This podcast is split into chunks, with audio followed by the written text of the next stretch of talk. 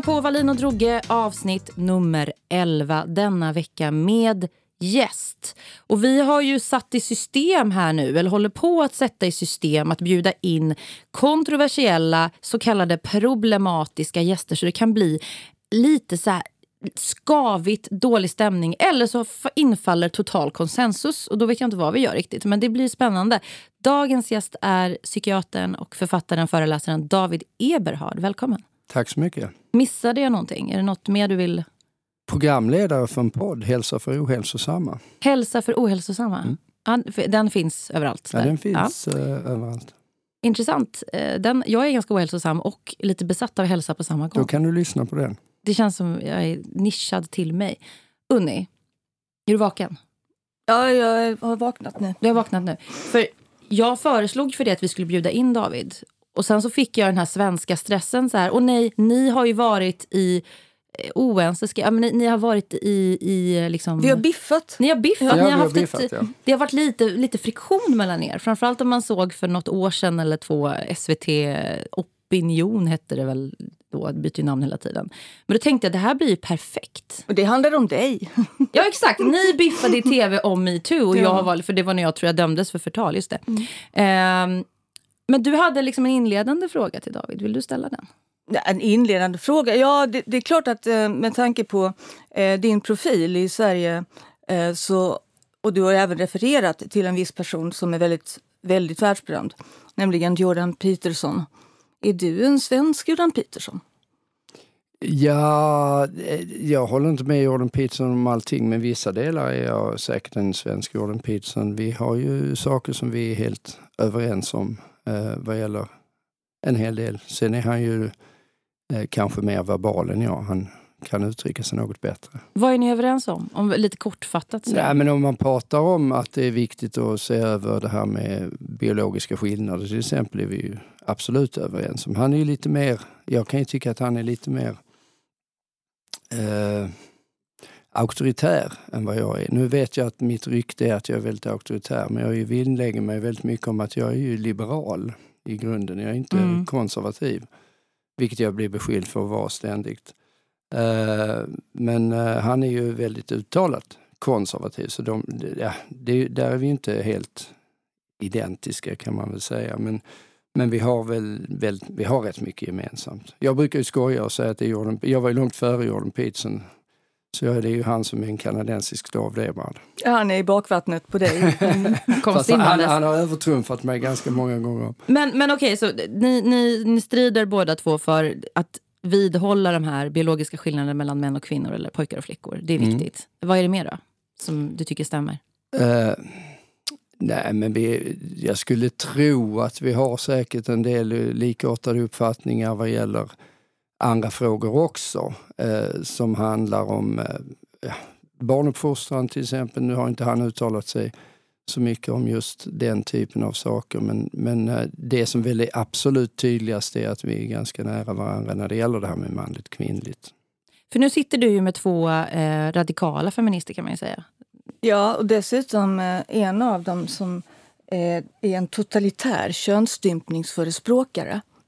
Vem, är det du eller jag? Eller vem, vem det, är det? det, det ska vara jag som, da, som David har sagt. Och jag också. Ja, du har sagt det om med, en, med en genusfascistisk världsbild. Och så sitter du i en dungeon. Vi är ju flera ja. våningar ner under jorden. Ja, ja, det, med oss jag, två. Jag, jag är vi, inte rädd av mig. Du är inte alls rädd. Nej, inte rädd av mig. Nej.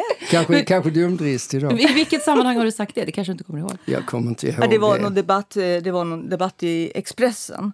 Jag tittar på dem idag. Ja, men du, just det, det var när du angrep mig. I, när jag, jag högg skrev, dig i skrevet. Ja, du högg mig i skrevet ja. kan vi säga. Så, ja. inte, inte rent... Nej, äh, mer men, verbalt ja, kanske. Verbal, ja. Det var, ja, det var rallarsvingar kan man säga. Ja, det var nog från båda sidor om vi ska vara ärliga. Ja. Men hur oense är ni då? Vad, vad, vad var kärnfrågan? Om vi inte orkar sitta och lyssna på exakt vad, vad massa Vem som sa vad. Nej, men vad, vad var det ni var oense om? Kommer ni ihåg det? Jag, kan, jag, kan ha, jag har faktiskt ja, plockat ut ett par, jag har fuskat, fuskat lapp här.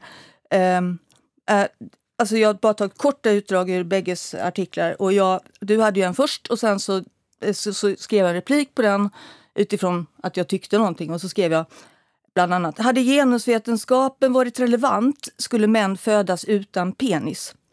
Sammanfattning av David Eberhards uppgörelse med genusflummet. Och eh, sen avslutar jag med att kalla din eh, debattartikel för DNA-märkt antifeministisk gubbröra. Just det, det minns jag. Ja. Att och då, svar, då fick jag svar på tal kan man säga. Ja, då svarade du igen? Då blev det som en Ja, det var jag som la mig i debatten. Och så, okay. fick jag, så fick kan man väl säga att jag fick ett riktigt ett svar kan man säga, som, som hette duga. Eh, jag är då som jag sa en totalitär könsstympningsförespråkare. Och jag hade en genusfascistisk världsbild. Och eh, du har också skrivit avslutningsvis att det biologiska beviset för att det inte alls är en garanti att ett tredje världskrig inte skulle kunna ske om det bara var kvinnliga, kvinnor som styrde världen. Det är jag. Oh, wow, men det är ändå en komplimang. Ja, det var ja, ja, det Men var... du vet, det är ganska, jag tyckte det var lite roligt. Och jag, jag anar att du också har en liten bit av sarkasm i dig, eller hur? Kan finnas lite kan sarkasm, finnas, ja. möjligen. Mm, mm. Men vad är det ni, eller vi då, är så oense om? Så här, för det första, är du feminist? Kallar du dig själv feminist? Jag skulle nog ha kallat mig feminist för 25-30 år sedan. Men jag, det beror ju på definitionen av feminist. Eh, därför att eh, jag är ju inte eh, feminist i någon bemärkelse att eh, lika utfall är eh, det vi ska sträva efter. Lika Vilket utfall tycker, i Lika vad, utfall liksom? i att alla det ska vara 50 sjuksköterskor, manliga och kvinnliga, det ska vara 50% civilingenjörer, det ska vara 50 i bolagsstyrelser, det ska vara eh, alltså, den typen av utfallsfeminism. Det är den jag vänder mig mot eftersom jag är ju av uppfattningen att det är ju stora skillnader från början och då kan det inte bli samma. Eh, alltså att om, om målet med feminismen har kommit att bli att man ska likställa män och kvinnor, att de ska vara precis likadana på alla punkter och att allting ska falla ut likadant, då är jag inte feminist. Utan jag är för, då brukar jag hellre föresäga att jag, eh, eller uttrycka det som att jag är för jämställdhet, absolut. Och när, vad, är, vad är jämställdhet för dig? När du säger det, vad menar Lika du? Lika möjligheter. Och rättigheter och kanske skyldigheter? Alla sam, att alla ska ha samma rättigheter, samma skyldigheter, samma möjligheter. Det, är jag eh, absolut och, för. Det tror jag är väldigt få i dagens Sverige som inte är för det i och för sig, men, men det är jag absolut för. Så om man blir lite, förlåt, man blir lite personlig, du har ju jättemånga barn, nio mm. barn, och så har du blandat kön på dem kan mm. jag tänka mig. Du tycker ju då att dina söner och döttrar ska ha precis samma möjligheter att bli vad de vill, göra vad de vill, säga vad de vill. Också. Vad sa du? Men det som jag menar är att jag anser att de har det också. Du menar inte att dina döttrar har sämre förutsättningar? Nej, är det någon som har lite sämre möjligheter tror jag faktiskt tyvärr att det är överkorrigerat så att det är pojkarna. Det syns ju i skolan till exempel att pojkar har det går sämre för pojkar i skolan. Det skulle man kunna säga att ja, det är säkert biologiskt som är lite mer pantade eller något sånt där. Men, men, men. Eh, det, det är jag osäker Det var ett på. nervöst skratt. Jag har två söner så jag fick lite panik här. Ja. ja. Nej, men det skulle, eh, mer rent principiellt skulle det kunna vara så, men det finns ju mängder med studier som visar att män och kvinnor är lika intelligenta på genomsnittsnivå. Alltså överlag. Mm. Så det är förmodligen inte skälet till varför det går sämre för pojkar i skolan. Eh, utan det är Nej, säkert här, du andra tycker, skäl. Som jag har förstått saken så tycker du att den här, det här genusflummet, någon typ av genuskontroll eller att genusteorins genomslag inom utbildningsväsendet, eh, det missgynnar pojkar? Ja, det skulle jag säga att det gör. Eh, därför att eh, det är ju, det är ju, med det sagt att intelligensen för pojkar och flickor är ju samma över, överlag. Men det skiljer sig lite på vad man är bra på. Uh, och det finns ju ganska mycket studier som visar att tjejer är klart, alltså genomsnitt, vi pratar hela tiden gruppnivå här, mm. det är väldigt viktigt att komma ihåg. Men tjejer är mer verbala än pojkar. Och det eh, är biologiskt, då, medfött? Eller? Medfödda skillnader, ja.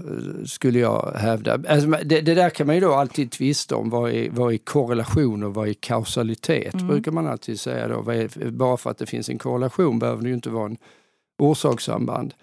Men man har gjort jättemycket studier på alla eh, för att ta reda på vad som är medfött så gör man ju genetiska studier, ja, alltså tvillingstudier. Det här, tvillingstudierna är ju väldigt ifrågasatta. Eh, de är lika ifrågasatta som de är erkända. Och det har de varit ända sedan de började, Nej, började genomföras på 20-talet.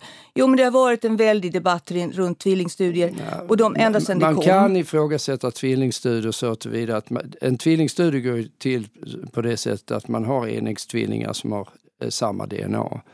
Alltså samma genetik. Ja, de har ju identiskt DNA. Ja, ja identiskt, inte samma, men likadant. Nej, men den är likadan. Likadan, ja. Eh, och, och, och då jämför man dem och så ser man hur, hur olika är, är tvillingarna då, eh, varandra. Eh, och sen jämför man med tvåäggstvillingar.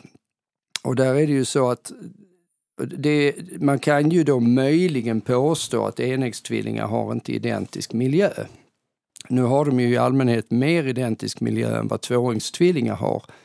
Så den invändningen är lite tveksam. Ja, men jag alla säga. invändningar, jag menar bara så här, istället för att gå in på de här detaljerna, mm. för att de flesta som känner till det, de har redan hört detta och det, mm. det är intressant och jag förstår, din, jag förstår helt och hållet din synpunkt. Jag tycker inte som du tror att människan är ett tabula rasa. Att vi föds som, som ett oskrivet ark mm. och sen är det bara att fylla på med rätt eh, mm. saker så blir det liksom de perfekta människorna. Det tycker jag låter obehagligt och stalinistiskt. Dessutom funkar det inte. Det tror jag verkligen inte. Jag tror däremot så tänker jag att all social vetenskap är ju väldigt väldigt eh, så att säga, diskutabel. Därför att vi har inte hunnit så långt inom de sociala vetenskaperna som i naturvetenskapen. Och därför är det väldigt svårt att hitta någonting som vi kan säga är sant eller objektiva fakta där. Eftersom det, det går dig, inte att mäta. Jag vet inte om jag likställer genet, alltså tvillingstudier vid, ja, men hur kan du detta. mäta hur kan du mäta egenskaper till exempel? Ja, vissa egenskaper är väldigt lätta att mäta och andra är mycket, mycket, mer, mycket svårare att mäta. Det håller ja. jag med om. Det brukar jag problematisera när jag håller föredrag också. Att, eh, det är klart att alla sådana här studier begränsas av vad är egenskapen? Därför att det som gör oss till människor är naturligtvis mer än själva egenskapen. Om du är socialt begåvad, om man sätter det som egenskap, så yttrar ju sig den här sociala begåvningen annorlunda i vissa miljöer än i andra. Och då måste man ju sätta väldigt strikta kriterier för vad är egenskapen. Vissa saker som IQ är ganska lätt, även om man kan undra vad är det vi mäter. Fast det är ju också väldigt ja, approximativt. Men, ja, ja. Jo, för att ju Fast, fler gånger du nej. tar ett IQ, gör ett IQ-test, desto högre IQ får du. Mm. Det, det, och det beror på, det är lite olika, olika delar av IQ. Man, man, man, man, har ju verbalt IQ och man har perceptuell man förmåga. Och massa, Eller så har man ADHD väldigt... som jag har och inte har eh, attention span och gör ett IQ-test. Jag trycker bara samma på allt ja, och blir fast då brukar man klara det här med verbalt och perceptuellt bra men arbetsminne brukar gå till ja, men Jag har ju bara gjort såna här, man ska, ja. man ska stoppa in trianglar i olika... Sifferserier. Jag, jag, håller med om att, jag håller med om att det är klart att man kan ha synpunkter men min poäng var egentligen att vissa delar, även om man säger ja, vad är IQ? Så i alla fall vet alla att det är det här vi mäter. IQ är det du mäter i ett IQ-test. Ja, exakt. That's ja, it. Så that's it. Om vi säger då att IQ är det du mäter i ett IQ-test, då skiljer sig inte män och kvinnor åt. Men män och kvinnor skiljer sig vad gäller en massa andra egenskaper ganska tydligt åt från början. Men jag får bara, för det, det jag tror många har en, eh, har bilden av dig om, kring, eh, som även vi har fått en del frågor om. Det är så här, är du biologist på det sättet att du, du tycker och baserar det på någon slags vetenskap eller forskning kring det att kvinnor till exempel som grupp är bättre lämpade att vara hemma med barn. Män är bättre lämpade att göra karriär. Kvinnor är sämre på att eh, eh ja, men, Svar, leda, svar män är bättre på... Alltså, har du de, den typen Nej, av värderingar? Absolut. Och, och, det har jag aldrig skrivit i någon bok heller, utan det är, så, det är åsikter som är eh, påklistrade på mig som jag aldrig har hävdat. Jag har till exempel aldrig hävdat att kultur inte skulle spela eh, roll. Om vi nu säger då, utifrån de här ifrågasatta eller icke ifrågasatta tvillingstudierna så kan man sammanfatta att genetik eller biologist, eh, biologism eller vad vi ska säga, det är ungefär 50% av det som är vi. Eh, andra 50 procent är då per automatik miljöfaktorer. Då kan man ju hävda att vissa av de miljöfaktorerna är biologiska också, som infektioner eller livsmedel eller kosmisk strålning eller whatever. Olyckor. Men, ja. ja. allt möjligt. Det finns en massa biologiska faktorer som inte är genetik. Då. Men, men att hävda att det inte skulle finnas miljöfaktorer har jag aldrig Nej, gjort. det vet jag att du inte har gjort. Det har du aldrig gjort. Men du har haft en väldigt tydlig här med 50 procent. Det är också det är väldigt svårt att avgöra. Kan man inte istället bara 50 procent är lägsta siffran. Ja, det är lägsta, det, men det, är, det, är, det är väldigt svårt att bedöma just att, att mäta det i siffror. Men vänta, nu tappar jag bort mig här. 50 procent vadå? Genetik. 50 procent genetik, 50 procent miljö. Ja, ja, man kan säga så att det är okay. lägsta siffran. Tittar du på IQ så är det 70 procent, tittar du på massa andra saker så är det 70. Så men om man bara tänker så här istället, för jag gick, när jag gick psykologlinjen så var det samma diskussioner då. Alltså man snackade om det hela, hela tiden. Och det var alltid två olika läger, mm. ja, ni vet. Och så, och så var man, så att, till slut fick man då enas om att det är ungefär som hela mjölk i kaffe. there Man kan liksom inte skilja dem åt. Miljö och arv. Min pappa som var professor i psykiatri brukar säga att miljö, äh, arv och miljö förhåller sig inte till varandra som hund och katt utan snarare som gin och tonic. Ja, eller kaffe i mjölk. Mm. Det blandar sig. Mm. Så jag gillar gin tonic ja, bättre. Ja, gin tonic trevligare kanske. Mm. Men, så att din kritik mot feminism och mot eh, det du kallar för genusfascism, eller flum i alla fall. Vad, vad bottnar den i? Tycker du att det finns strömningar i hela världen eller är det i Sverige bara där, du, där det finns... Varför vill inte kalla dig feminist på grund av vad? Nej, men det liksom? finns strömningar i västvärlden. Jag skulle inte säga att det finns utanför. Sen tycker jag, jag, jag tycker att feminismen eh, fokuserar lite emellanåt i alla fall på fel saker. Man fokuserar på Sverige som jag anser är ett otroligt jämställt land. Eh, man fokuserar däremot mycket mindre på länder, eh, eller, till, eller för att ta förorten där det, vi importerar patriarkala strukturer som man då inte, för att man är rädd för, antar jag, att bli ja, kallad rasist eller någonting sånt, så vågar man inte gå på de här strukturerna utan man likställer situationen för kvinnor i Afghanistan med Sverige, vilket jag tycker är intellektuellt Men är det verkligen någon som gör det? Jo, det är det. Det är faktiskt folk Det pratar vi om också. Jo, men jag tänker, det, alltså, det är ju så här, Afghanistan får inte flickor gå i skolan. Nu kanske de får det, men de har inte fått nej, det. Men man tänker på att i, det finns ju en rädsla som vi pratar om, det här med den här wokifierade rädslan för att Ja, med kulturrelativism. En, ja, precis. Ja, ja, För att stämpla och, en minoritet. Ja, och, och, och, det tycker jag, då, då, är jag är ju, jag är med och jag ställer en motfråga. Då. De som nu hävdar, nu, nu, förstår jag på er att ni har inte den uppfattningen, men de, de feminister som då kallar sig feminister och samtidigt håller på med den här kulturrelativismen. Jag skulle vilja ställa frågan, är de överhuvudtaget feminister? För det är för mig obegripligt när vi har en situation i Sverige där patriarkala strukturer, om de överhuvudtaget finns, vilket jag är mycket tveksam till, så är de otroligt marginella i förhållande till enormt många platser på denna jord där man borde, tycker jag, verkligen bekämpa dem. Men det, jag har ju läst eh, och sett även dig i tv-program och debatter och sådär. Du är ju väldigt medial. Eh, där har ju de som har eh, debatterat emot dig sagt att du är blind för strukturer. Att det, är, det kan jag ju delvis hålla med om. det här att Ja, det, Afghanistan har ju såklart mycket värre kvinnoförtryck än Sverige. Men den här strukturen, att det finns män som grupp som tycker att kvinnor eh, är mindre värda, helt enkelt. Är allmängods, att utsatta för olika saker. Eh, vi har ju brottsstatistiken, det är liksom extremt över, extrem överrepresentation bland män som utsätter kvinnor för sexualbrott. Och så här. Är inte det patriarkalt också, tycker du? Alltså jag, Eller vad beror det på? Jag, jag kan säga, då, då, då, om man ska diskutera det så kan jag hålla med och säga att ja, naturligtvis finns det män som har en jävligt taskig kvinnosyn. Och det finns ganska gott om sådana män, det håller jag helt med alltså om. Även här i Sverige då? Absolut här mm. i Sverige. Och det, det, det, finns det och det har jag aldrig heller ifrågasatt. Vad jag säger är, för mig, det är möjligt att vi diskuterar olika saker då, för mig är en struktur någonting som är sanktionerat.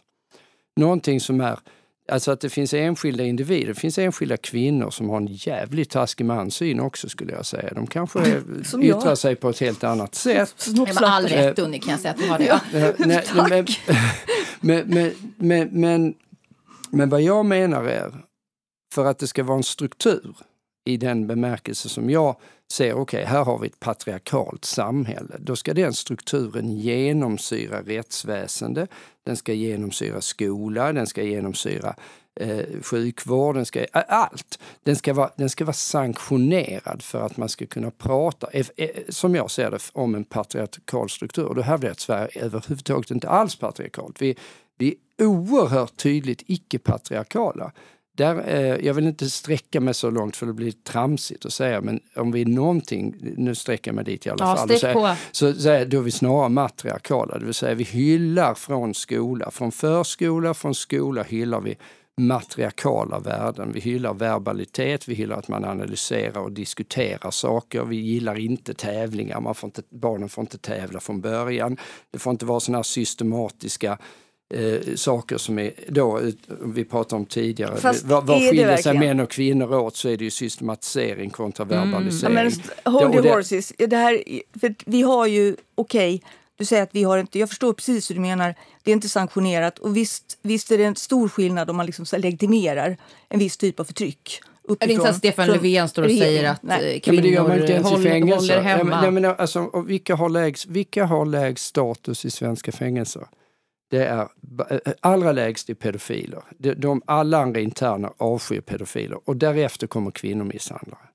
De, de, de ligger lägre. Och våldtäktsmän. Fast de som mördar kvinnor har inte lika låg status. De, de är med i grabbarnas gäng. Men om vi, okej, okay, vi, vi ja, ska inte... Det, ingen av oss har suttit inne, kan men, veta, men, vad vet jag. Men om man, om man bara... Eh, det du sa nyss David, det här att vi inte har en, den strukturen. Det finns ju ändå eh, statistik på att kvinnor får sämre vård. Hjärtvården till exempel missar ju... Alltså forskningen utgår ju väldigt mycket från män. Därför det, missar det man kvinnors symptom. Det har jag också haft en del synpunkter på. På tal om att saker är, man kan ja, ifrågasätta studier det och dels även i rättsväsendet att det, det är ju väldigt kritiserat att svenskt, det har ju till och med Amnesty kritiserat Sverige för att vi eh, dömer, lagför så otroligt få sexualbrottslingar, vilket är 98 män. Kan man inte tolka det som en patriarkal struktur? Alltså jag, jag är ju samtidigt väldigt inne på att uh, det är ju väldigt bekymmersamt att man inte kan lagföra så mycket sexualbrott som man kanske önskar. Eh, men med det sagt så bygger ju hela civilisationen på att man måste hellre fria än fälla, vilket innebär att eh, är det ord mot ord, och vilket det tyvärr ofta är i sådana här sammanhang, så hamnar man ju i en situation att då ska det rätt mycket till att någon blir fälld eftersom hela rättsprincipen bygger på att man hellre friar än fäller. Så jag har väldigt svårt att se hur man utan att göra avkall på rätts väsendet eller rättsprincipen kan del, komma runt det här. Den här kritiken och sen, sen mot kan jag rätts... tycka det är lika olyckligt som, som jag förmodar att ni gör.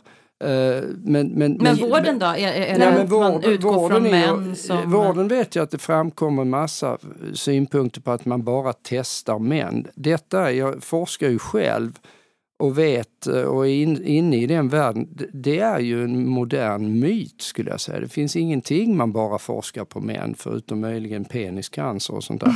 Men, men, men annars så forskar man inte bara på män. Man har lika, det är till och med så om du tittar idag, om jag inte missminner mig helt eller har missförstått allting, så är det fler kvinnliga försökspersoner än manliga. På de, alltså, däremot kan ju olika sjukdomar, det tar jag upp i min bok Det stora könsexperimentet, det är väldigt stor skillnad mellan män och kvinnor rent biologiskt på vad man drabbas av för sjukdomar och hur mm. de yttrar sig, som du är inne på också. Mm.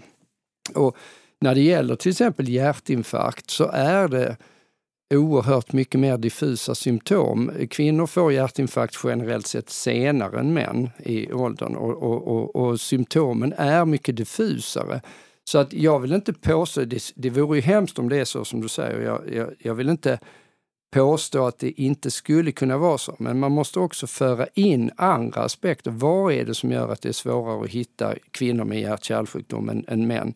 Är det mm. en patriark, patriarkal struktur eller beror det på att det är ett diffusare sjukdomstillstånd hos kvinnor? Den, alltså man måste föra in sådana aspekter i det också mm. och inte bara ropa här, det här, här är orättvisa. Du menar att det finns en tendens av, om jag får lägga ord i din mun, att man skyller mycket på ja, patriarkala strukturer? Det blir lite svepande? Är det det du så, känner? Så vill jag påstå att det ja. är ganska svepande ofta när det kommer till att man, man, tar det som om det finns någon skillnad så har man sagt ja, här finns en skillnad, alltså är det diskriminering eller det är patriarkalt eller så. Ja, men det men finns det, ju det skillnader åt det, finns... all, det är ingen som kommer med den här skillnaden. Nej, men... Om vi tar ett exempel. Bara ja, men, okay, jag, vill bara, mest... jag, vill bara, jag vill bara ta in mm. det här med som du och även sjuk, det poserat både sjukvården och eh, rättsväsendet. Mm. Att Ja, jag, jag tycker verkligen att ni, eh, debatt, debatten och diskussionen ska vara mer nyanserad. Men man säger att det som står i lagen, det som står i våra direktiv, det som står i värdegrund, det är inte alltid att det har implementerats. Det är inte alltid så att det som står skrivet, hur vi ska vara, hur vi ska agera, hur vi ska uppfatta män och kvinnor som lika mm. värda, det är inte alltid att det fungerar i praktiken, för det är väl nästan det vi pratar mest om. Att det finns inom bland annat rättsväsendet ganska så stora glapp i hur man betraktar kvinnor där och hur kvinnor bör betraktas enligt lagen om lika rättigheter. Med tanke på att jag tror att vi är uppe i att ungefär 50% av alla domare är kvinnor idag eh, så har jag lite svårt att tro att det är så faktiskt. Bara för att de är kvinnor. Men du vet, du tycker ju själv att världen mm inte blir en bättre plats om den styrs Jag säger inte att den blir bättre. Eh, jo, jag tror att jag menar, det är ju väldigt eh, bra med blandade arbetsplatser så jag är inte negativ till det. Jag tror däremot inte att det kommer ske därför att man måste också betänka att folk vill olika saker.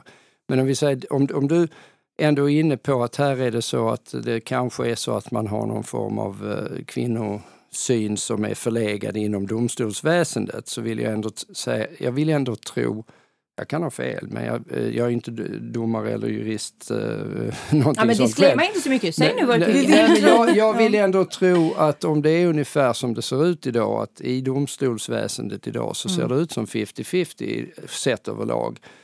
Det har jag svårt att se att det skulle vara liksom strukturellt. Sen kan det finnas enskilda domare som är, ser ner på kvinnor. Det, det, det kan inte jag gå god för att det inte finns. Men det skulle ju rent principiellt kunna vara tvärtom också då, att det finns enskilda domare som ser ner på män.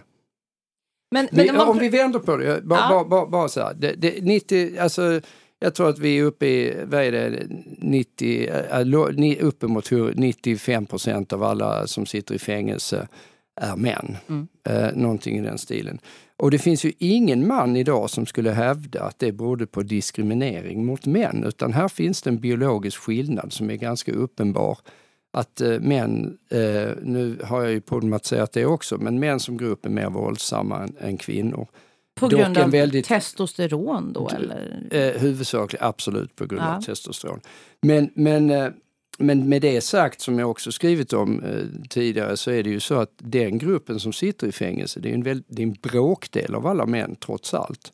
Så man kan inte dra hela gruppen män över en kam bara för att 3% av dem är eh, våldsverkare. Ja, men om vi släpper, 97, jag, 97 procent är inte det. Men, men, du skulle inte drömma om att, att, att, att, börja prata om diskriminering i det sammanhanget. Men så fort det är skillnader åt andra hållet, menar jag, då börjar man hela tiden förklara det med diskriminering. Förstår att, ni hur jag tänker på? Du menar att fängelsekunder skulle vara ja, de männen som sitter i fängelse, fängelse diskriminerade? Det, det är inte helt otänkbart att några av dem är diskriminerade i egenskap av att vara man. Men det är ingen, inte ens jag som man skulle börja gå ut och säga det här. Och jag, tror inte, dömda. och jag tror inte på det heller. De är dömda och då har det stått utom rimligt tvivel att de också är skyldiga. Exakt, exakt. Så, så, då är det så jag tror inte på det heller. Men, men vad jag menar är att det, jag kanske är otydlig här, men vad jag menar är att det pratas väldigt snabbt om, så fort det är någon skillnad mellan könen, till kvinnornas nackdel så pratas det om att det är diskriminering. Men är det till männens nackdel så pratas det inte i termer av diskriminering. Det är väldigt sällan. Till exempel att i princip alla hemlösa är en enorm överrepresentation av män eller suicid, en enorm överrepresentation ja, men det, av män. Det stämmer ju, absolut. Men, men, men, det pratas aldrig i termer av diskriminering när det gäller det här. Utan eh, snarare säger man att det är männen som inte kan kontrollera sina känslor och sen tar de livet av sig. Alltså det blir nästan så att det också är ett tecken på att det, kvinnorna är diskriminerade, Nej, att männen jag, tar livet av sig. Ja, jag, jag, jag, jag förstår, men, men för, i min analys så är det om, om vi, vad, hur jag definierar patriarkala strukturer. Mm. Det är ju inte så att vi har en, en, en, stat och en regering som liksom implementerar det här. Nu ska ni, nu ska ni misskreditera den här gruppen, eller nu, i det här mm. fallet kvinnor. Utan det är ju mer normer och machoideal, eh, kvinnosyn, mansyn också. Men har vi så mycket machoideal? Om vi då, jag skulle vilja säga att man kan skilja men det här med majoritet, suicid, tänker jag. Va, majoritet. Varför mår så många män dåligt? Är det inte för att de, inte, de här machoidealen gör att de inte kan öppna upp sig och inte kan söka hjälp? Och, bra ja, karl reder sig själv och allt ja, det där. Jag skulle säga det är nog enklare än så. Det, det är att uh, män är lite våldsammare än kvinnor generellt och det gäller även mot dem själva vilket mm. innebär att det är fler kvinnor som försöker ta livet av sig än män. Och lyckas inte Men för att de, är inte lika våldsamma mot sig därför själva? Därför att de, de tar tabletter medan män skjuter huvudet av sig eller eh, hoppar från en bro eller framför ett tåg mm. eller något sånt där. Så att det, det är egentligen, eller framförallt hänga sen och sånt där så, som fungerar. Så att det som, det som är Eh, det står nog för att eh, man är lite olika i, i hur man gör det här. Sen, Tror du att det har att göra med sen mäns, det finnas, förlåt om jag, mäns aggressivitet? För att det finns, ju, det finns ett aggressivt element i att bruka så starkt våld mot sig själv. Liksom. Ja, ja, men extrovert aggressivt. Man kan ju vara ja, men aggressiv, nästan introvert aggressivitet. Det alltså bruka det våldet på sig själv. Ja, men jag, jag tänker mer man kan vara lite passivt aggressiv. Det, är ju, det, är, det är inte, kännetecknar inte männen ja, men det är inte så man, man tar till livet av sig med passiv. Nej, man tar, man tar bara livet av andra. Nej, men okej, men, men, alltså, det blir många, många trådar här på en gång. Så att, jag tänker att det också handlar så mycket om att man pratar runt varann. Att mm. patriarkat kan jag hålla med om används ju som en förklaringsmodell lite för ofta ibland. Det var, precis som många, vi har gjort ganska många poddavsnitt av det, om det nu, om att ord tappar sin betydelse. Mm, eh, det att, håller jag med. För att vi applicerar det på mm, allting. Mm, att, mm vi pratar om mikroaggressioner till exempel. Mm. Vi ska inte ens gå in på det för då har vi en och en halv timme till. Men um, vi ska prata om psykisk ohälsa och så sen mer. Mm. Men, men, just det här med, med patriarkala strukturer, att många blir jätteprovocerade av att du förnekar det. Du har ju sagt, du har skrivit på din blogg, du har sagt det i intervjuer. Mm. Ja, ja. Att här, det finns inga patriarkala strukturer i Sverige. Och så blir folk jätteupprörda. Vad är det du tror att vad är det du tror man blir så upprörd? För jag blir inte så himla upprörd. Jag tänker mer att ja, vi har lite olika, vi har lite olika definition. Liksom. Eller vad, vad är det som Nej, men folk blir nog upprörda därför att man definierar vad som är patriarkala strukturer olika. Men sen är det ju säkert så att folk anser säkert i högre grad än vad jag gör att de här sakerna vi pratat om nu är patriarkala strukturer. Jag anser inte att enskilda män som har en taskig kvinnosyn och som inte har sanktion av samhället. Jag anser inte att det är en struktur. Jag anser inte att det står för någonting av vad det här samhället egentligen värderar. Jag anser till och med att den typen av mansideal har en väldigt låg status i dagens Sverige. Då tänker du män som öppet säger min kvinna ska vara hemma ja. vid spisen. Ja, har extremt låg status och då har jag väldigt svårt att se det som en patriarkal struktur. Men samtidigt så är det ju mer än var tionde svensk man som har köpt sex. Eller vad är det, var sjun, sjätte tycker ja, det, att det, det är, är positivt? Så, ja, alltså jag, jag är väldigt är frågan inför dem. Det, det, du tror inte att det stämmer? Uh, jag, jag, kan för lite om det men jag, jag, vet att det är andra jag har pratat med som är så här, stämmer detta? Men nu ska du inte vara faktaresistent.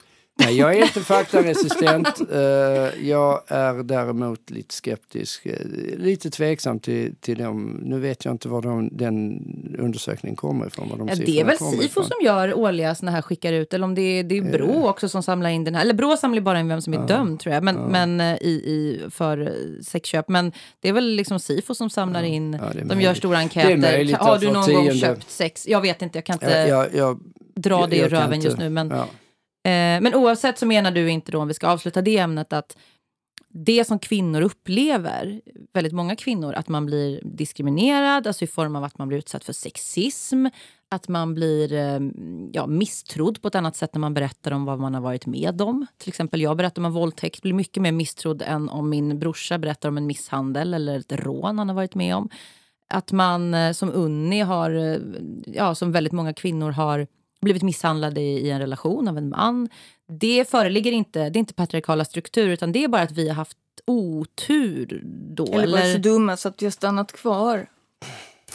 Eller ja, var vi nu alltså, inte anmälda med detsamma dumma, eller allt vi kan Det göra. kan man väl säga att ja, det vet ju jag. Jag jobbar ju med, med människor som stannar kvar i destruktiva relationer till exempel. Och det behöver man inte vara dum rent ska vi säga, intellektuellt för att göra. Men det är ju någonting som gör att man blir nedbruten och har svårt att och i efterhand kanske tänker vi, hur fan dum var jag mm. som inte lämnade det här? Eh, så, så, så är det ju. Men, men eh, nej, jag, jag skulle nog säga att det är svårt att hävda för mig att det här är en patriarkal struktur som sådan. Det är klart att om det vore så att man inte alls litade på folk som säger att de har blivit våldtagna, vilket jag inte riktigt håller med om att man inte alls gör, Eh, generellt sett skulle jag säga i vården och folk runt omkring så om någon säger att de har blivit våldtagna så förutsätter man att det är sant. Precis Beroende på, på vem sätt. den utpekade är skulle jag säga. Också. Ja det kan det säga. Så, och vem det är som blir så, våldtagen. Så kan det naturligtvis vara men sen är ju en annan sak vad rättsväsendet säger. Alltså det är ja, de sak. säger ju ofta att det, det här inte går att... Ja, det är, ju, det är nästan ingen som får upprättelse nej, och, den vägen. Nej, och, det, och det är ju svårt. Och det var ju av det skäl som vi sa tidigare, att det får man på något sätt, då ställs ju, det, det är motstridigt, då ställs ju så att säga individens eh, rätt till upprättelse mot civilsamhället, eller ska vi säga rättsstatens principer. Och det, det, är, ju, det, det är ju tyvärr Precis så att... där, exakt där vill jag fråga dig en sak, på riktigt, alltså ärligt menat. Kan du då, om du försöker att nollställa dig, förstå varför exempelvis metoo-rörelsen ägnade sig åt att berätta, ibland också namnge med namnsnämnande vilka män det var som hade förgripit sig på dem. Därför att ibland så uppstår ett sånt glapp mellan hur vi förväntar oss att rätten ska fungera och hur det fungerar på riktigt för, på grund av att det är så himla svårt att få upprättelse i såna här sexualbrottsmål.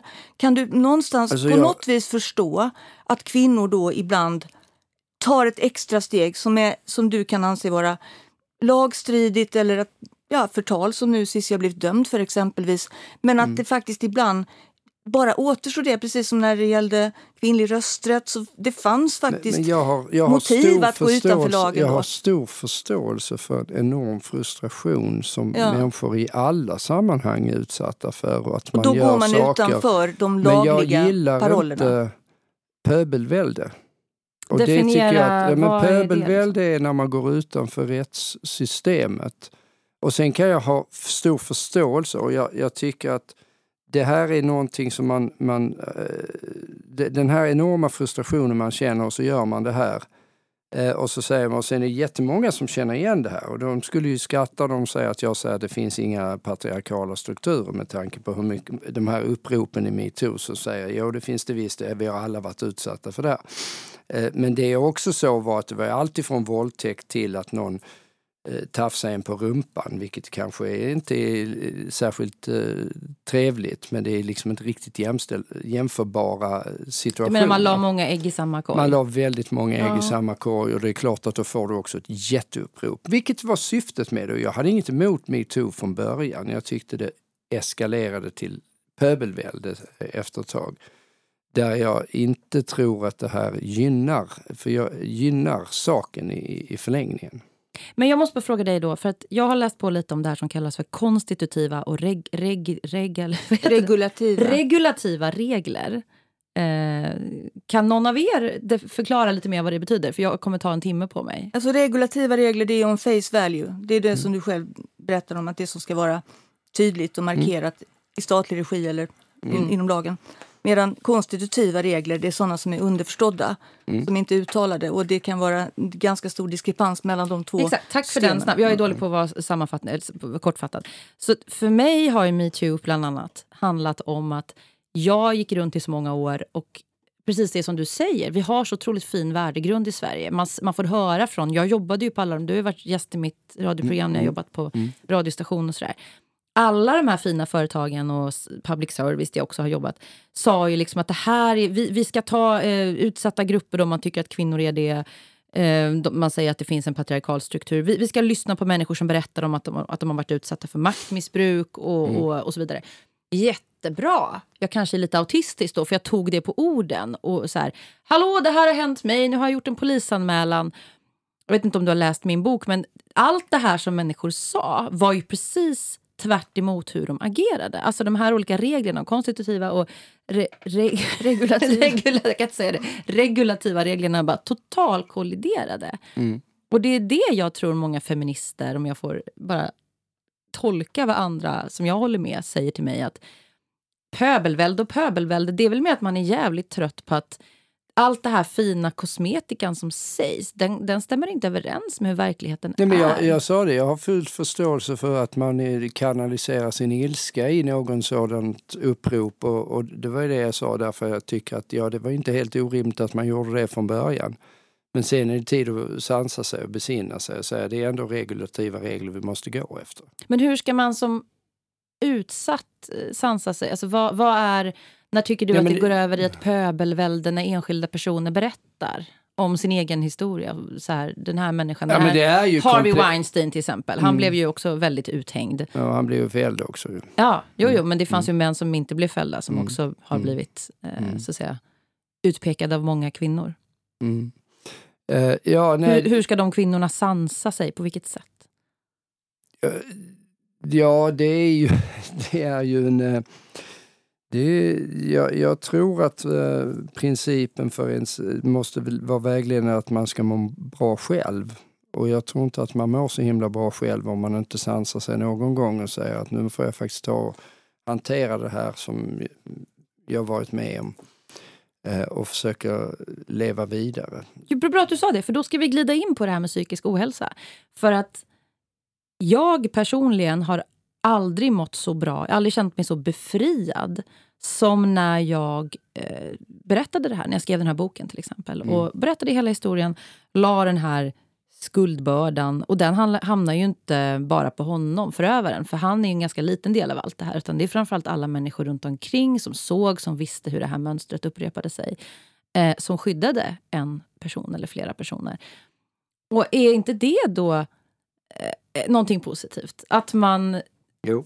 liksom bara ökar sin psykiska, sitt psykiska mående genom att få ett bokslut. Så nu har jag, nu har jag det blir som en, en bearbetningsprocess. Under, för, under förutsättning att man kan få ett bokslut så är det naturligtvis jättebra.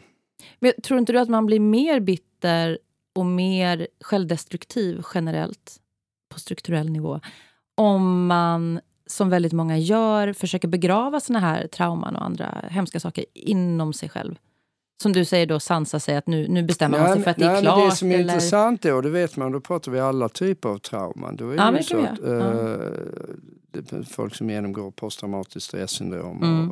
av, av alla slag så att säga, så är det ju om man tittar på vilka det går bäst för eh, måendemässigt när man följer dem så är det ju de som hanterar eh, som inte, alltså de som nu yttrar jag mig lite vanvördigt, men som glömmer och går vidare så att säga, som, som hittar sätt. Om det är därför att man då gör upp med det eller om det är för att nej men det här har ingenting med mig att göra. Jag blir utsatt för det, den här människan misshandlade mig. Det har ingenting med mig att göra. Jag går vidare, jag lägger det bakom mig. Eh, och det kan man ju då, det, det finns ju en psykiater, psykoterapeutisk tradition att man ska vända på varje sten för att kunna gå vidare. Mm. Och det finns ju väldigt lite belägg för den uppfattningen i vetenskapen. Eh, utan snarare syftar ju all modern psykoterapi, det vill säga kognitiv beteendeterapi, till att man i princip ska hantera verkligheten här och nu. Ibland måste man gå tillbaka och vända på någon sten bakåt mm. därför att det kommer hela tiden. Men annars så ska man låta bli det och så ska man egentligen gå in och försöka leva så normalt som möjligt. Det vill säga någon form av förträngningsmekanism fungerar för väldigt ju, många Det har ju varit ifrågasatt också det här med, alltså det är lite beteendemodifikation då, men ibland är det ju väldigt nödvändigt att, att helt enkelt lufta det såret.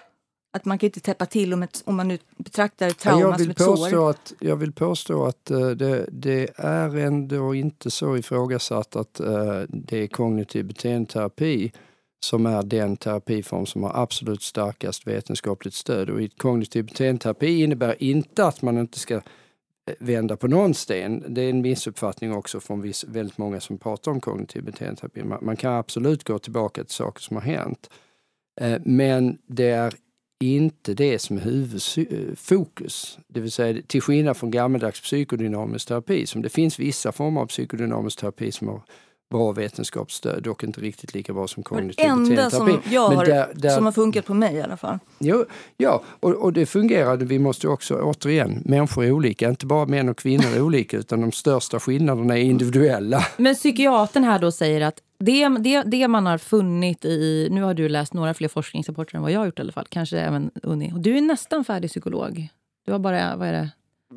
Jag, har inte, jag blev journalist så jag gjorde inte färdigt min uppsats. Nej, men du har hållit på 20 mm. år så du är snart färdig psykolog. Ja. Eh, men tror du då att det är så att svenskar mår ju väldigt dåligt? Om man tittar på Europaligan så mår vi väldigt dåligt. Vi äter väldigt mycket psykofarmaka. Eh, psykiska ohälsan sägs ju öka nu på grund av corona och sådär. Men är det, kan man hårdra det eller så säga förenkla det och säga att det är för att vi ältar för mycket? Vi känner efter för mycket. Vi, vi fastnar i de här traumorna eller det som har skapat ångest och försöker vända på varenda sten hela tiden och alltså förstå. Alltså sjukdomsvinster. Liksom. Ja, sjukdom. Mm. Är det därför folk mår så dåligt? Eller vad, är, varför är det så då annars? Korta svaret, ja. Okej, okay. vill du utveckla? Svaret. Eh, långa svaret, eh, jag vet inte om ni känner till en bok av en kollega till mig nu som heter Olyckliga i paradiset. Eh, Vad heter kollegan? Christian Ryck, han är professor i psykiatri som kom ut nu 2020 med en ny bok. Ja, jag får kolla.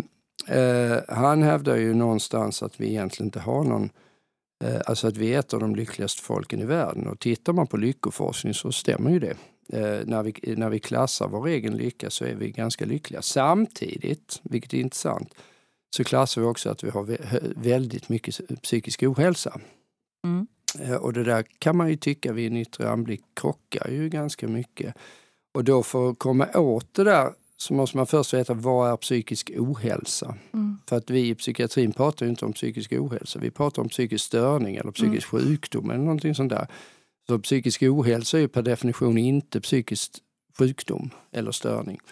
Eh, utan är lättare former av eh, problem. Och det är klart att det som har hänt, det som är intressant är att man tittar på Folkhälsomyndighetens folkhälsoenkät de senare, mellan 2013 och 2018 så har andelen unga kvinnor med psykisk svår psykisk ohälsa dubblerats och andelen unga män har inte dubblerats men väldigt stor ökning vad, vad beror det också. på tror du? Nej, men det, som det, det, man kan se väldigt tydligt här är att det är bara depression och ångest som ökar. Det är inte ens stress, vilket man skulle kunna tro att det skulle mm. vara stressrelaterade tillstånd. Utan det, det, är depression och ångest. Och då måste man ställa sig frågan, vad är depression och ångest? Därför att eh, för oss som jobbar i psykiatrin så är depression det är en sjukdom.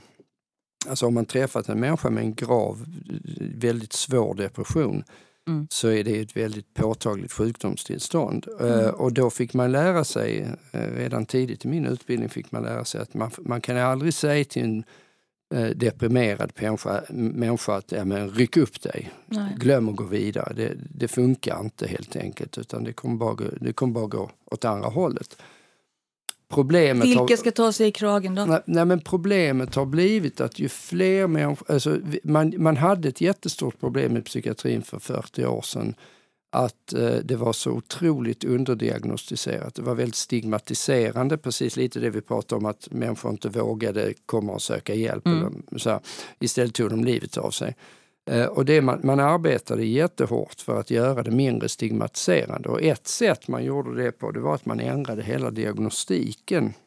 Och det har man gjort successivt eh, genom att gå från en slags diagnostik där man då har eh, orsaker till varför man är deprimerad till att idag, sedan rätt lång tid tillbaka, så är all psykiatrisk diagnostik bara symptomdiagnostiserad. Det vill säga att man har ett visst antal symptom som man man får ju fylla i en skattning. Ja, så. Och, så, och så uppfyller man då ett visst antal symptom och så ska man ha gjort det en viss tid och så ska man helst ha en funktionsnedsättning också, som, vilket glöms bort ibland. Eh, och, och, då får man den här diagnosen. Men det man missat, det man, det man vann på det här, det var att självmordsfrekvensen har ju gått ner med från 2200 fall 1980 per år till idag 14 1500. 1500 ja, något sånt, det varierar lite från år till år. Så man har ju sänkt då eh, självmordsfrekvensen därför att det är fler som söker hjälp och fler som får medicin som hjälper. Men för varje person som det här hjälper så bombarderar du ju 10-15 som det inte hjälper för. För allt möjligt därför att de uppger en visst antal symptom. Mm. Som då de i allt högre grad skulle jag säga bestämmer själva. Jag fick lära mig en annan sak när jag började tidigt i min karriär. Det är att om du, om du ska ställa en fråga till en deprimerad människa eh, för att ta reda på om de verkligen är depressiva på är det ditt fel? Exakt. Mm. Är det ditt fel? Vem, nej, så här, vems fel är det att du är deprimerad? Men vad hjälper den frågan? Jo, därför att den som är deprimerad i psykiatrisk mening kommer att svara i 95 procent av fallen på den frågan kommer att svara det är mitt fel. Mm. Men så här, eh, och det jag... innebär ju inte att de här andra, om vi tittar på patienter idag som man ser, som där jag pratar med husläkare och så här, Sen säger jag 95 procent svarar ju att det är någon annans fel. Det är mammas fel eller det är chefens fel eller vem andra människors ja, men det är yttre faktorer som gör kan vi, kan vi, kan vi kolla, komma in här? För jag tycker det här, det här bör utvecklas till någonting där jag ett, tycker att du har helt rätt i det du tidigare sagt att vi, vi öser ut SSRI-preparat eh, till höger och vänster. Och det kanske är till det segmentet som nu är ganska stort och har ökat mycket som har, säger att de har depressiva symptom mm. och eh, psykisk ohälsa. Och att det då är kontraproduktivt medan de, vi fångar upp de som verkligen behöver vård och behöver hjälp. Mm. Men det här, jag har nämligen fått se på nära håll och på långt avstånd. Vi får veta ganska mycket via sociala medier om, om, människor som är kränkta för att någon har riktat mikroaggressioner mot dem. Och detta är alltså sant. Då måste de vara sjukskrivna. De orkar inte då. De kan inte arbeta. Nej, men du menar att det, det blir liksom nästan en, vad du upplever en de inflation i att, att ja. För det har ju du sagt David, jag läste på din blogg att bara det här att man inte känner sig lycklig hela tiden har översatts till att man är deprimerad. Ja, eller att man blir kränkt. Att någon, man ja. är kränkt för att någon har, man uppfattar att någon har riktat någonting som man upp, upplevs som aggressioner, mm. mikroaggressioner. Och det är då bara ord, det är inte något riktigt reellt hot eller någon som har gjort illa fysiskt. Utan det är mikroaggressioner. Och det har alltså blivit mer och mer så att mikroaggressioner gör att människor måste stanna hemma från jobbet.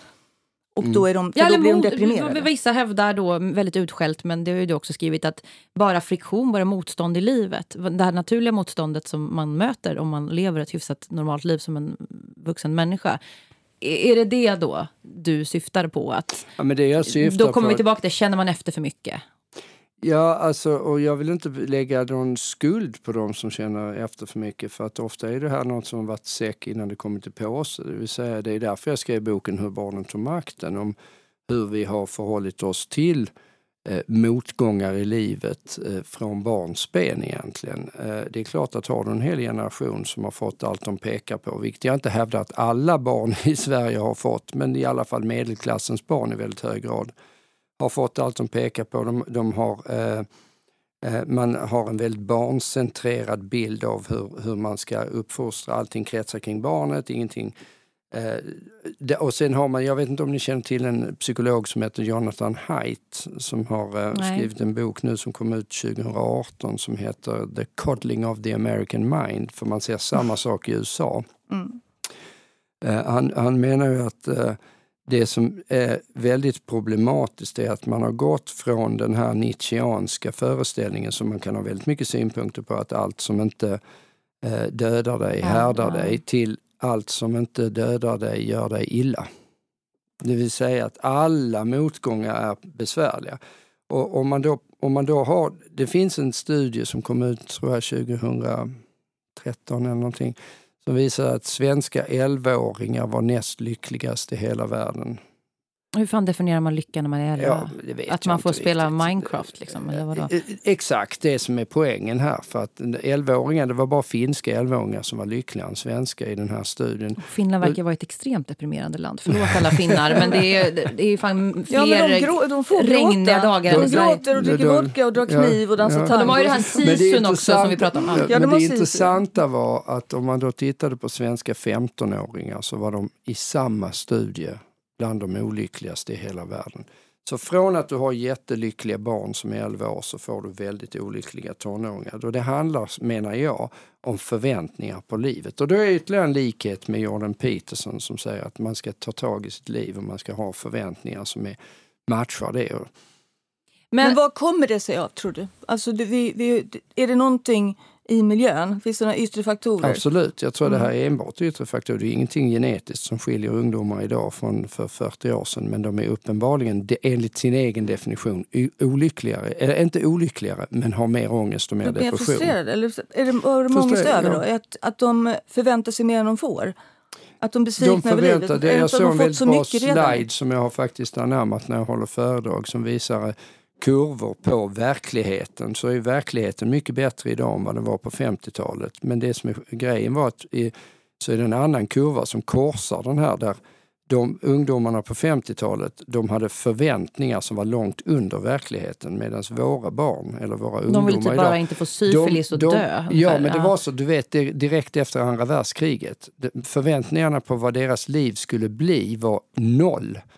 Medan idag så är det så, trots att verkligheten ser mycket bättre ut, så är förväntningarna långt över vad verkligheten kan ge var dem. Det är klart, de då blir man besviken. Var kommer det ifrån? Alltså, vad är det för en, någon, någon utlösningsmekanism? Är det, är ja, men vi har det ganska bra. utveckling? Ja, men vi eller? har det ganska bra. Alltså om men du tittar på, alla vi, om, tittar du på alla hälsoparametrar. Är det därför ser... folk mår dåligt? För att de mår för bra? Ja. Eller vad? ja. Alltså vi tittar du på alla hälsoparametrar i, i, överlag i, i Sverige idag så, så går på hälsoparametrar upp. Allting utom psykisk ohälsa går men, upp men... för allting. Det vill säga, vi har det materiellt bättre, vi mår bättre fysiskt, vi har bättre tillgång till allting. Vi har mycket mindre krav på oss från barn. Om du jämför med barn förr i tiden, de hade ett helvete emellanåt. Det, det säger inte att det inte Jag måste bara sticka in idag, som en liten motvikt här. Eh, det, det, är ju klassklyftorna ökar ju i Sverige, mm. har gjort. Det skapar väl mycket det, Både fysisk det, det, och psykisk alla ohälsa. Alla såna, alla såna här frågor är ju komplexa på samma sätt som vi pratade om inledningsvis med tvillingstudier och annat. Det här är ännu mer komplext för det är alltid multifaktoriellt. Det kan ju finnas parallella fenomen som samverkar eller motverkar varandra. Jag brukar mm. prata det som det jag kallar för trygghetsnarkomani. Det var ju min debutbok som handlar mm. om just det här att ju bättre vi får desto sämre mår vi. Och det finns alltså evidens på det här? Eller är det du som har kommit på det här själv? Ja, evidens. Eh, det finns ju, Jonathan Haidt eh, bygger ju sin bok på eh, någon form av, av, ska vi säga, evidens. Och evidensen så tillvida statistiskt sett utifrån hur man definierar sitt eget mående finns ju så tillvida att psykisk ohälsa absolut ökar, vad det nu är. Så att det, man kan alltid tvista om det, men, men, men det är uppenbart att om man, om man definierar sin egen hälsa så mår barn, eh, ungdomar idag sämre än vad man gjorde tidigare. Det, sen är det ju en annan sak om man definierar psykisk störning som jag var inne på, det ökar ju inte alls. Förutom det är inte fler som får diagnosen schizofreni absolut än för inte, 20 absolut år. inte. Vi kan prata hur länge som helst. Vi har fått ganska mycket frågor. Mm, mm. Uh, jag tänker ställa dem, så får du svara relativt kortfattat. Mm. Uh, du får gärna sticka in saker om du vill, Unni. Alla vill vara anonyma. Nej, men det är en person som undrar uh, kring det här med din åsikt om kön och könsidentitet. Mm. För det har du ju debatterat mycket också. Mm. Vad, vad, tycker du om debatten som råder? Frågan lyder bara så, så jag får väl utveckla den. Vad tycker du om debatten som råder om att kön är, det ska vara en självidentifikation, tycker många. Det, det är inte så enkelt som att biologin bara styr. Det, där, det, det är komplext helt enkelt, vem som är kvinna och vem som är man. Vad, vad känner ja. du kring det? Ja, det är återigen en sån här definitionsfråga. Vad är kvinna och vad är man? Jag menar biologiskt så är det ju inte ett dugg komplext. Utan eh, det finns män och det finns kvinnor, det styrs av kromosomerna. Så att det är inte så jätte, jättekomplext. Men varför tror du att frågan är så laddad då?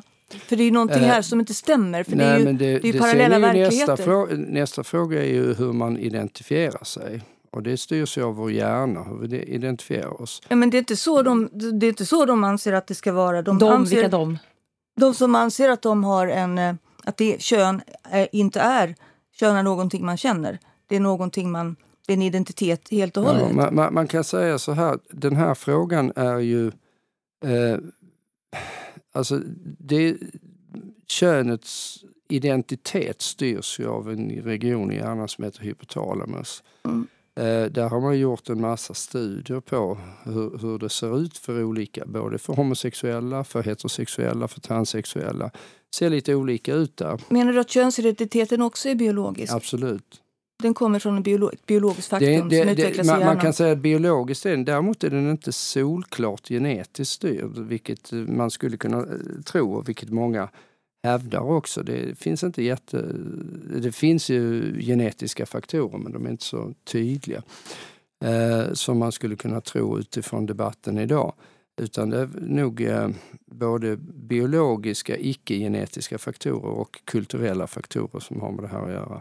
Men okej, okay, men den här ökningen då på flera hundra procent, vi pratade om den gruppen mm. nyss, unga mm. tonåringar framförallt, unga vuxna tonåringar. Ja, det, är, det är en jätteökning ra av de som... onset gender dysphoria heter det. Och, och, och, där är det ju, skulle jag hävda, en enorm överrepresentation. Det ser man eh, för personer med autismspektrumtillstånd som har det här. Sen är det inte allihopa, men det är en väldig överrepresentation, vilket man har helt glömt bort i det här sammanhanget. Eh, och, och det, Vad är din tes kring det? Då? Vad beror det på? då? Jag, jag tror att det här är kulturellt eh, acceptabelt på ett sätt, eller till och med kulturellt eh,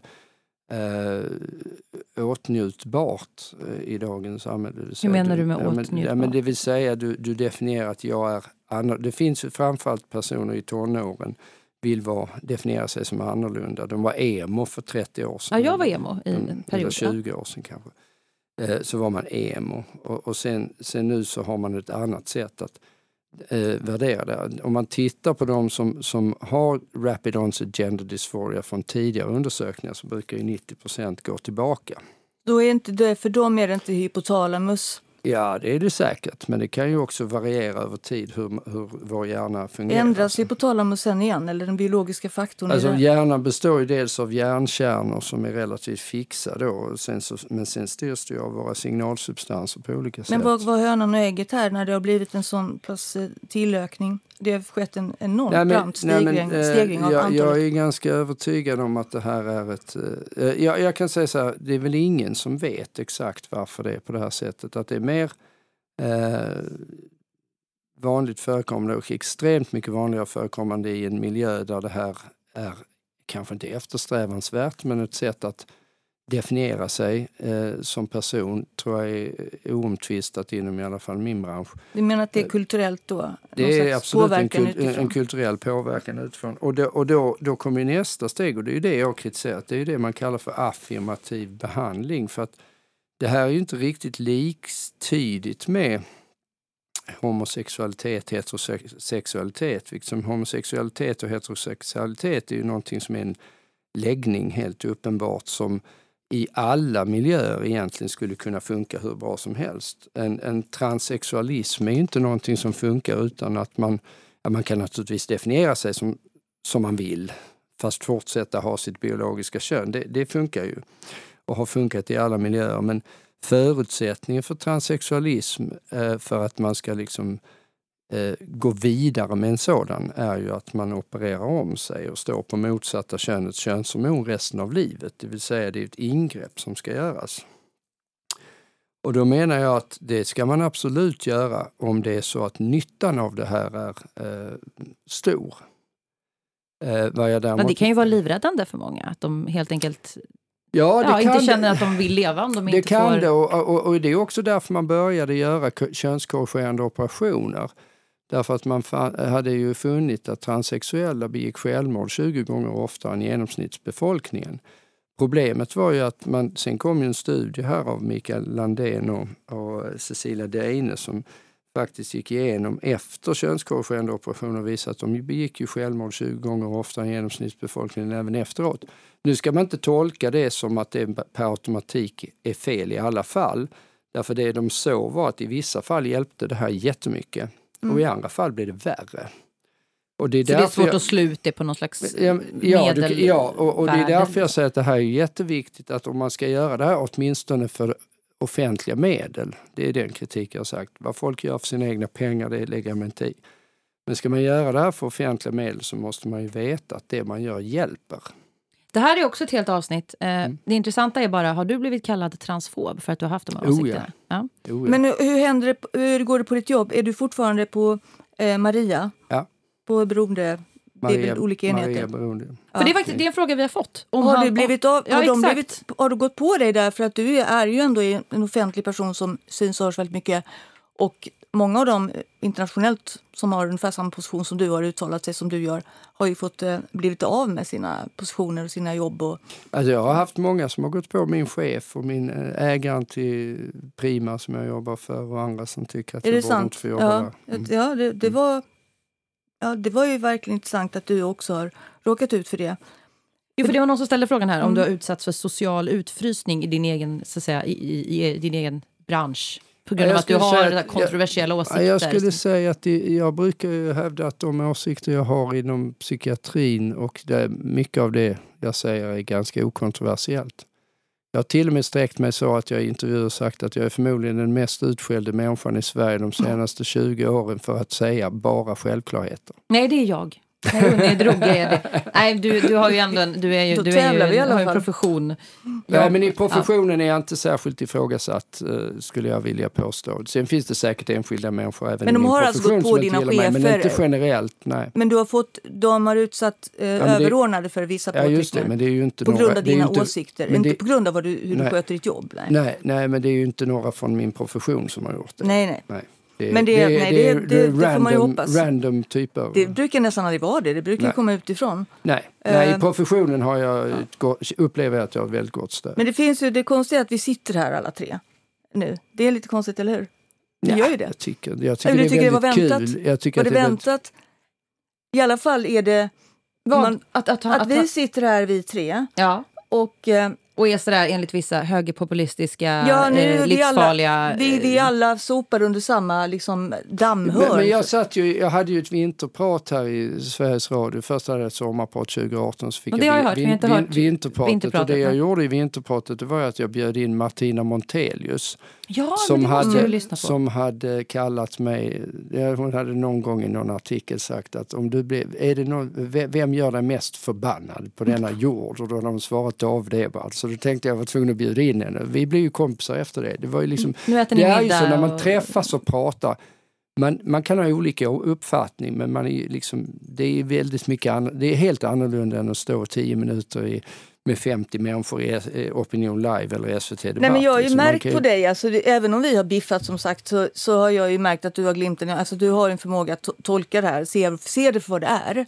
Och Det tycker jag är en förutsättning för att man ska kunna eh, diskutera och då får man köra ganska hårda puckar, särskilt i debattsammanhang där man ska ha kort format. Det vet ju du ja, som skriver krönikor. De vill ju bara ha, inte, I SVT ja. Debatt och så vill de ju bara ha citatmaskiner. De vill ha bra både, tv. Och det är både ja. du och jag. Ja, de vill ha in. De vill ha, vi, har, en sista fråga mm. som du får freebasea hur du vill här mm. nu. Uh, jag behöver inte nej, jag, nej, jag kommer inte till punkt här. Jag ville nej, bara säga, du var inte färdig? Nej. Jag, jag var inte färdig. Jag ville bara säga att det är en sak att man... Vi, jag förstår ju att vi jag har aldrig hatat dig för det. Alltså, vi har aldrig känt någon sån negativa. Utan det, är mer, det, har ju varit ganska så, lite grann med liksom någon slags humor. Att visst, vi gör så här, lite ironiskt.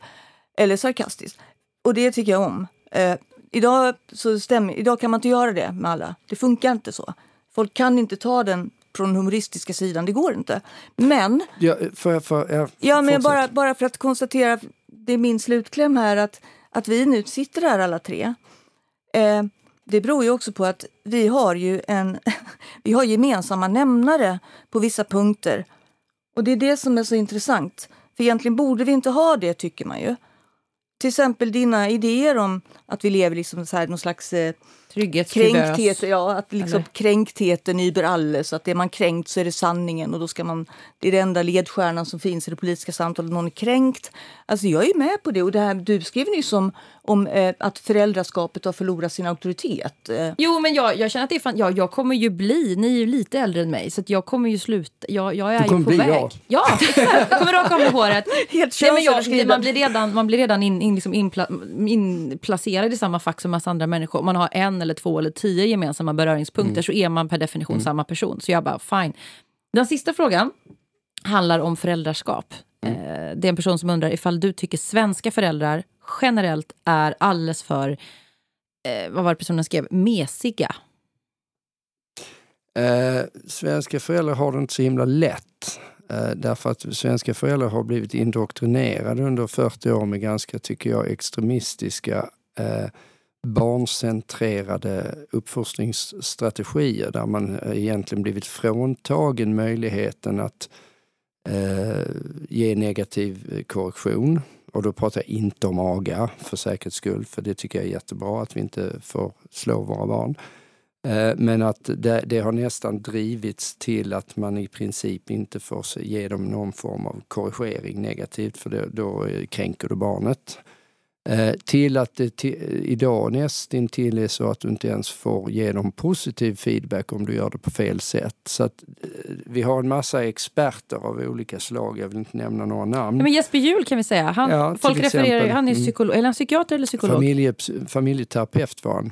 Ja. Eh, mm. Och han blir ju, jag får, när jag får kritik när jag skriver om mm. min syn på barnuppfostran så kommer alltid hans namn upp. Du måste mm. läsa Jesper Juhl. Jag har ju mm. läst lite av Jesper Juhl. Jag känner så här, är lätt för honom. Han har inte träffat min tvååring. Nej, och det är, så slutar min bok Hur barnen tog makten. Den får du läsa. Ja, jag vill läsa den. ja. den slutar med uh, den, som har den som förmodligen är bäst på att ta hand om sina barn är föräldern själv. Ja, inte alltid, men det är, Nej, vanligast eh, men fall, det är så det finns en väldigt bra, på tal om psykodynamik och psykoanalys, så fanns det, jag kritiserar ju lite psykoanalysen, men den klokaste av alla psykoanalytiker, han heter Donald Winnicott. Han ja. myntade begreppet good enough parent. Mm. Är du bara good enough så duger det alldeles utmärkt. Är du inte dum i huvudet så kommer det förmodligen gå bra. Och de som är dumma i huvudet kommer inte läsa Jesper Juhl i alla fall. Så det är helt meningslös bok. Eller han vet jag, Bo, he, he, Bo Heilskov och de här. Men, men då, du är inte i deras... Ni, ni delar inte... Men var det inte Melanie Klein som skrev om the, the good enough? Uh... Ja, det var uh, Donald Winnicott. Det är möjligt men de är, men de är från samma skola? Ja, de är samma skola. Ja, nej, men, men, om man tänker så här då. Vad ska, om man nu ser, ser de här generationerna som man har curlat ihjäl. Eh, för övrigt har den eh, idén, de idéerna spritt sig även till, till hunddressyr. Kan jag Vi ska inte prata hundar nu. Nej, jag lovar. Men jag säger bara att det har liksom spritt sig. Det är alltså ja, ja, ja. Och det funkar inte så bra där heller. Nej, det funkar inte, absolut inte bra där med Nej. hundar. Absolut inte. Men Nej. i alla fall, då har vi, vi kommit, kommit så långt att vi har liksom alltså, spoilat två generationer ungar. För det här har varit länge nu. Curlingen har ju mm. pågått mm. länge. Oh ja, min bok Trygghetsnarkomanens land kom 2006. Ja, du ser. Så att vi hinner ju få se ett par mm. kullar ungar mm. som, som är lite sabbade kan man då, om man utgår från det, att vi har rätt. Eh, de mognar vad, lite senare bara. Jag tror det kommer gå bra för dem också. Ja, det, vi får hoppas det. Men vad ska de göra? Jag tänker på om man inte har någon att ta spjärn mot. Om föräldrarna mm. inte visar någon som helst auktoritet. Mm. Vilket föräldrarna per definition är. Jag menar, förälder, en förälder är egentligen auktoritet. Om, vad händer då med dem? Vem, ja. Vad ska de Nej, göra jag kan säga så, Jag ska avsluta med, nu ska jag säga emot mig själv. För nu börjar, vad bra. Nu, nu börjar jag liksom eh, Now we're talking. Sl, slira ut där med kausalitet och korrelation. Men, men med det sagt, inga av de här uppfostringsstudierna som är gjorda finns det har man korrigerat för genetiken, vilket är en av mina invändningar här, det vill säga då kan du inte egentligen uttala dig om orsaken. eftersom, om, om vi vet, säger att det finns studier som visar att om du skriker jättemycket på dina barn så kommer dina barn att skrika jättemycket på sina barn. Men du vet fortfarande inte om du har lärt dig att skrika på dem eller om du bara genetiskt är en skrikig jävel. Det, det är jättesvårt att veta. Men curling är väl inte genetisk? Men, men med det sagt så är det så att det finns fyra generella sätt enligt Baumrind, eh, Martin och vad heter han, som är här auktoriteter i barnuppfostran. Fyra, de har ju då visat fyra olika sätt att uppfostra barn. Det ena är det man kallar för permissiv uppfostran, det vill säga curling, det vill säga då mycket stöd, inga krav. Det är curling. Sen har du auktoritär uppfostran, det är mycket, stöd, eh, mycket krav, inget stöd. Och sen har du neglective, det vill säga du har inget stöd och inga krav. Und, av, vet du, undvikande ja, det är permissiv. Nej, permissiv är undvikande, det andra är försummelse. Egentligen. Försummelse, ja, men okay. permissiv skulle man säga så här, undvikande.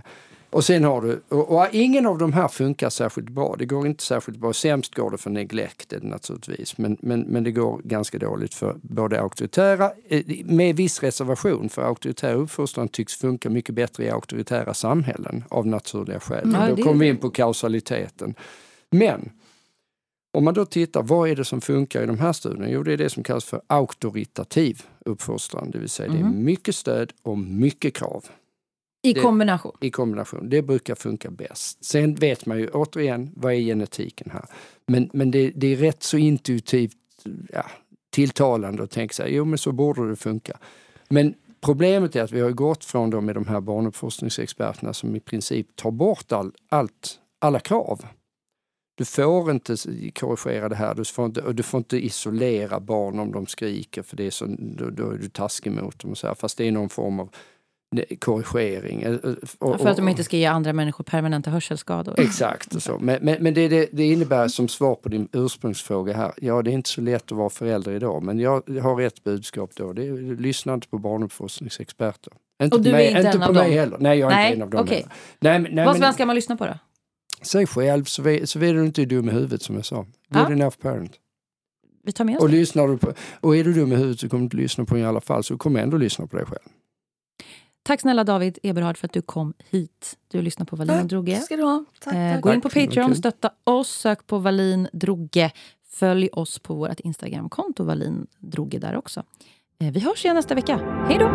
Hej då!